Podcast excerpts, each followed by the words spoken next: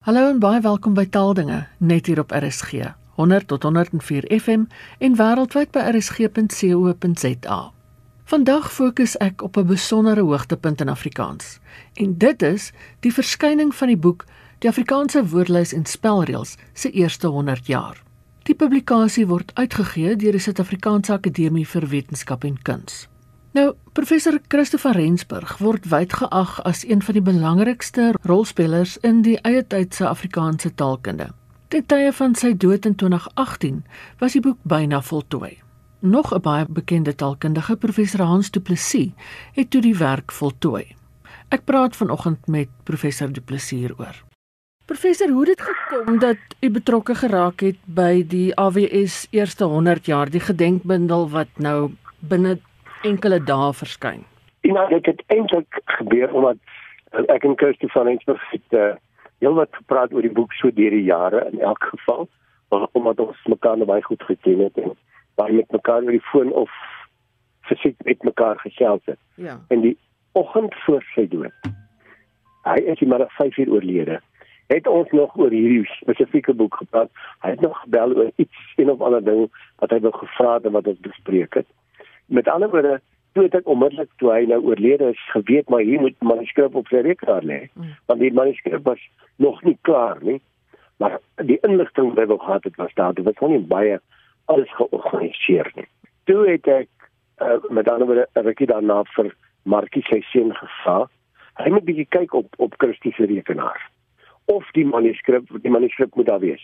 Toe kry hom en toe stuur hom vir my En toe het ek begin gesels met die akademie met geraak van my stem as voorsitter van die uh van die taalkommissie en en destyds met Jacques Verels wat toe die, die hoofuitvoerende beampte was. Het ons gesels oor ons moet hierdie ding uitgee want dit is 'n ongelooflike belangrike boek want dit gee vir jou die geskiedenis van die Afrikaanse woordelys van 2017 tot 1917. Mm. En en toe uh, al al wat ek toe gedoen het maar ek het toe met ander woorde vir my die manuskrip gestuur. Ek het gekyk en gesien hy is nou nog nie so dat mense hom kan voorlê nie, want daar's nog aantekeningetjies in rooi en kruisverwysings en sulke goed. En al wat ek toe gedoen het, net die daai goed bietjie geïnkorporeer het. Ek het nie begin redigeer nie. Toe sê jy in na hulle toe en dit hoe dit gekom het dat ek daarbey betrokke geraak het. Nou vertel ons bietjie van die inhoud dit dit, dit gaan oor die geskiedenis van die taalkommissie. Vertel bietjie hoe wat is daar alles in die boek te vind? Dit dis dis ek dink as ek as ek nou mag sê, dink ek dis Christoffel se verseë belangrikste bydra tot die geskiedenis van Afrikaans. Want wat hy doen in hierdie boek, hy begin in sy voorwoord sê wat hy eintlik wil bereik. Hy sit en dink as hy nou een van die oorspronklike taalkommissie mense, die wat in 20 in 1917 die eerste woordelike spelwees gemaak het. Wat sou daai taalkommissielede gesê het as hulle 100 jaar later met die 2017 uitgawe van die AWS in hulle hand staan? En hy probeer daai storie tel hy probeer ook interpreteer wat sou daai eerste mens, eerste taalkundiges gesê het in sy gevolgtrekking in die voorwoord is maar hy dink as daai oorspronklike taalkommissielede van van 1917 nou met die 2017 AWS in hulle hand staan sou hulle sê maar dis goeie werk ons het daarom ons werk het gebly want dis nie maklik dat 'n taalkommissie dat 'n kommissie uiteindelik na 100 jaar nog die werk voortsit nie. Hmm. En en en die hele boek gaan oor hoe het die hoe het die woordlyse spelweer, se reëls en se beredeling en die woorde wat in die lys is en die woorde wat uitgesny het, hoe dit tred gehou met wat binne die kultuurgemeenskap van die tyd. Met ander woorde, eintlik dwars deur die 19de eeu, ag deur die 20ste eeu. Ja. Hoe het dit tred gehou met wat in die land aangaan? Ja. En dit is insiggewend. Ja. Een van die goed wat ehm um, na vore kom na aanleiding van wat ek in prof nou al vroeër oor gepraat het is die vernederlandsing wat op 'n stadium plaasgevind het.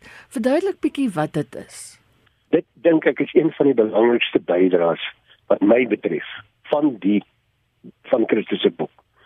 Met ander woorde, as jy nou mooi gaan kyk en hy hy beredeneer dit, die gemeenskap vir regte Afrikaners van 1875 het eintlik nie wat ons nou vandag standaard Afrikaans sou noem probeer bevorder nie. Hulle het probeer om van die en en die woord wat hy met Jaap Steyn in sy boek ook gebruik het, boere Afrikaans. Met ander woorde die Afrikaans wat in die platland gepraat is, veral op die oorgrens. Dis daai soort Afrikaans wat die GRA eintlik die Bybel in wou vertaal sodat die mense dit kon verstaan. Met ander woorde die die die die klem van die genootskap regte Afrikaners was nie op hy was op die op die op die kom ons sê op die omgangstaal van die tyd. Hulle daarop gekonsentreer. En in reaksie daarop het die akademie dan aanvanklik heel in die begin sê, "Wil jy maar wag, jy, ons moet dan hier taal uit nie status nie." Dis hierdie kom by taal storie, onthou? Ja, ja. Het nie status nie. Hoe gaan ons vir hierdie taal status gee? Dit sê hulle maar maak hom dan meer Nederlands of laat hy meer Nederlands lyk of vir Nederlands om. Dan het jy onmiddellik 'n statustaal. Daai daai gesprek is 'n verskriklike belangrike gesprek dat dit om om status te gee vir Nederlands om. En die eerste uh Afrikaanse stel weer het dis dit was ook die tweede beginsel vir baie lank ja. dat ons die Nederlands ons volg die Nederlandse patroon. Mm. Tot selfs hier in 19 die die die 64 uh uh AWS nog die gehad ons volg die Nederlandse patroon byvoorbeeld vir die skryfwyse van van lang y en kort eintlik dit dan sê ja. van F en V. En en en dis daai vir Nederlandse wat van Afrikaans ek sou sê dit het in dit sê eintlik ook baie duidelik in die boek.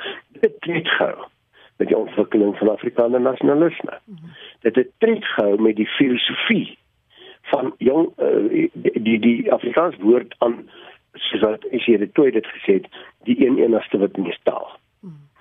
En en daai ding het het gelei tot die vernederlandsing en die vernederlandsing het gelei tot kom ek noem dit maar dit kan ek nou dis dalk bietjie kontroversieel maar dit het gelei daartoe dat die gesproke taal die omgangstaal en die geskrewe taal verder uit mekaar uit ge, gegaan het. Ja.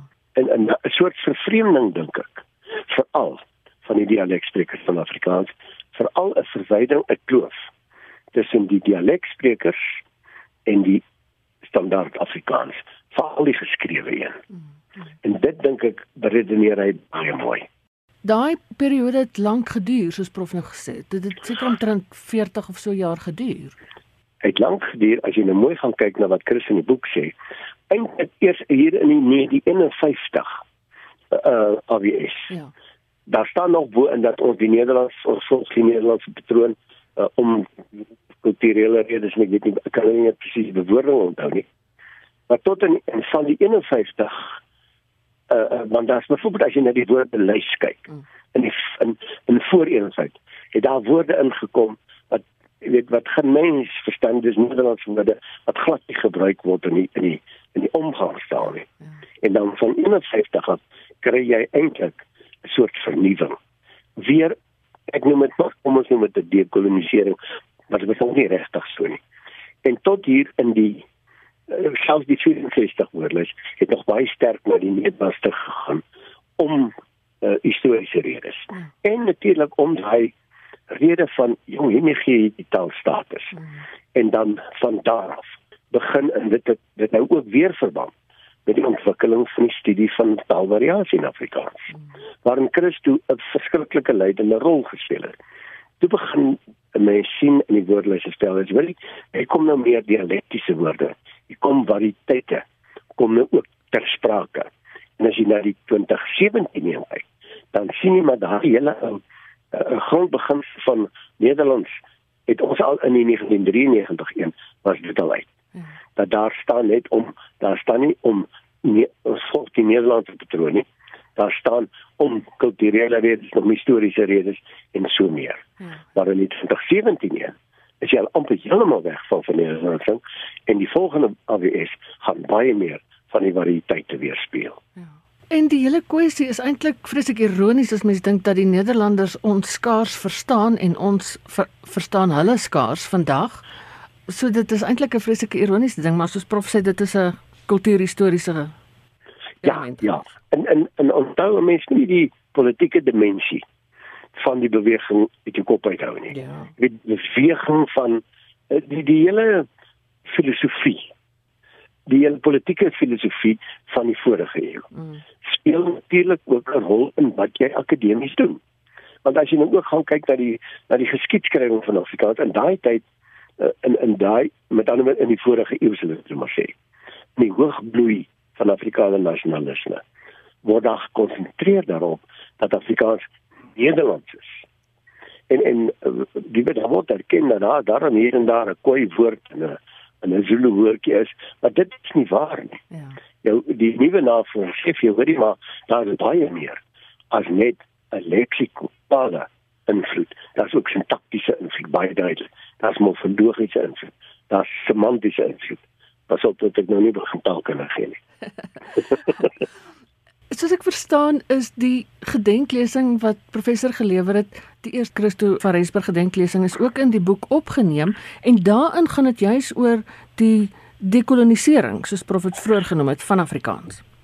Ja, dis reg die die akademie het besluit om eers die die gedenklesing het die eerste gedenklesing het ek gegee en toe het dit nou aangesluit by wat ons nou oor praat.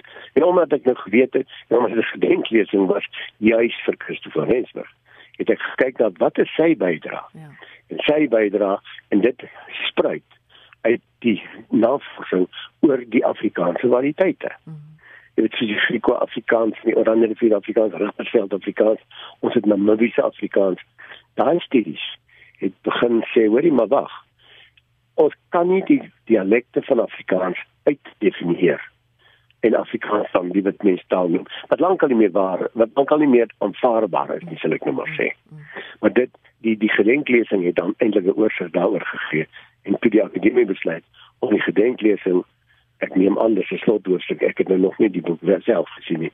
Dit het ook daarin opgeneem word.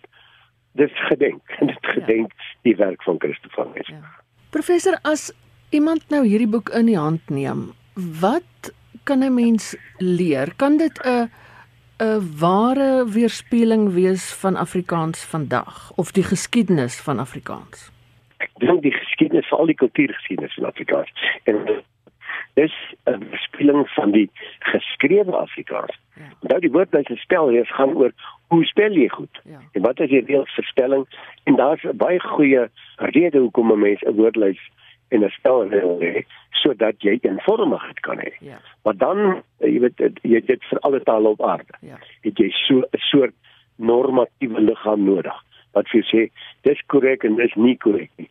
Maar wat wat nou gebeur met die nuwer woordelyste? Hulle ignoreer nie meer die dialekte van Afrikaans nie. Dit word nou deel van die hele ding.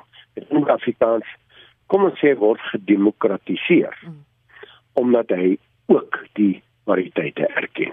Ek is bly dat professor dit genoem het dat elke taal in die wêreld en dit is universeel om 'n so standaard bron verskryf te hê want mense dink baie keer agter se Afrikaanse nik om te sê kom ons spel so of dis die reëls en so aan. Nee, wat dit is in alle tale so en dit moet in alle tale so wees. As jy byvoorbeeld jong ek kan maar net my sê ladies gaan leer of my die nuwe oorspronklike ja. dan kom jy agter maar daar's baie Britte wat die kop nie Brits glad nie verstaan nie. Hmm. Net soos wat daar in Duitsland 'n dialek is, 'n Nederland dialek is wat die gewone ou net nie verstaan nie vir alle van 'n ander streek af. Hmm. En jy sal in Afrikaans as jy uit die bosveld uitkom, gaan nie al die makkelandse woorde of uitdrukkings of betekenisse begryp nie. Ja dan dan moet ernstig normatiewe ding wees. Want normatief is nie 'n vloekwoord nie. Ja. Ons probleem is ons wil maak of norm kyk die dialek het niks met norme te doen. Ja, ja. Die dialek het te doen met die variasie wat daar taal is. Maar erns met die geskrewe vorm. Kom ons sê 'n vorm wat vir die hoë funksie gebruik word, moet vormig wees. Met ander woorde, jy nie spesifiek oor RSG lees, dan kan jy hom nie in kom ons sê Kaaps lees nie. Ja. Dit is net nie hoe dit werk nie, want die helfte van die taalgemeenskap gaan nie verstaan wat jy sê nie. Ja. Nou kry jy 'n normatiewe een wat niks met goed of sleg te doen het. Dit het net te doen met korrek aangeskrewe vorm. En nie reg of verkeerd of goed of sleg nie. Ja. Want daar is nie 'n dialek wat minderwaardig is nie. Ja. 'n Dialek is maar net 'n ander vorm van dieselfde taal. Mm. Jy sou eintlik kom redeneer dat standaard Afrikaans ook een van die variëteite is. Hy word net op 'n sekere plek gebruik en dit is gewoonlik geskryf en informele jy weet uh, informele register, ja. nou maar sê. Ja. Professor Vertel ons net bietjie van daai heel begin daar, as ons nou net weer kan terugkom na die boek toe. Van daai heel begin daar van die taalkommissie en hoe dit tot stand gekom het en hoe hulle gewerk het en so. Nou moet ons net onthou dat uh, daai uh, Afrikaans in geskrewe vorm het nie regtig bestaan teen 1917. Ek gebruik net maar 1917 omdat dit die eerste AWS wat verskyn wat verskyn het. Die taalkommissie kom van bietjie vroeër omdat die akademie vroeër as dit gestig is. Ja. Maar die enigste geskrewe Afrikaans was dagboeke en daai goed in byvoorbeeld dit wat die GRA gedoen het.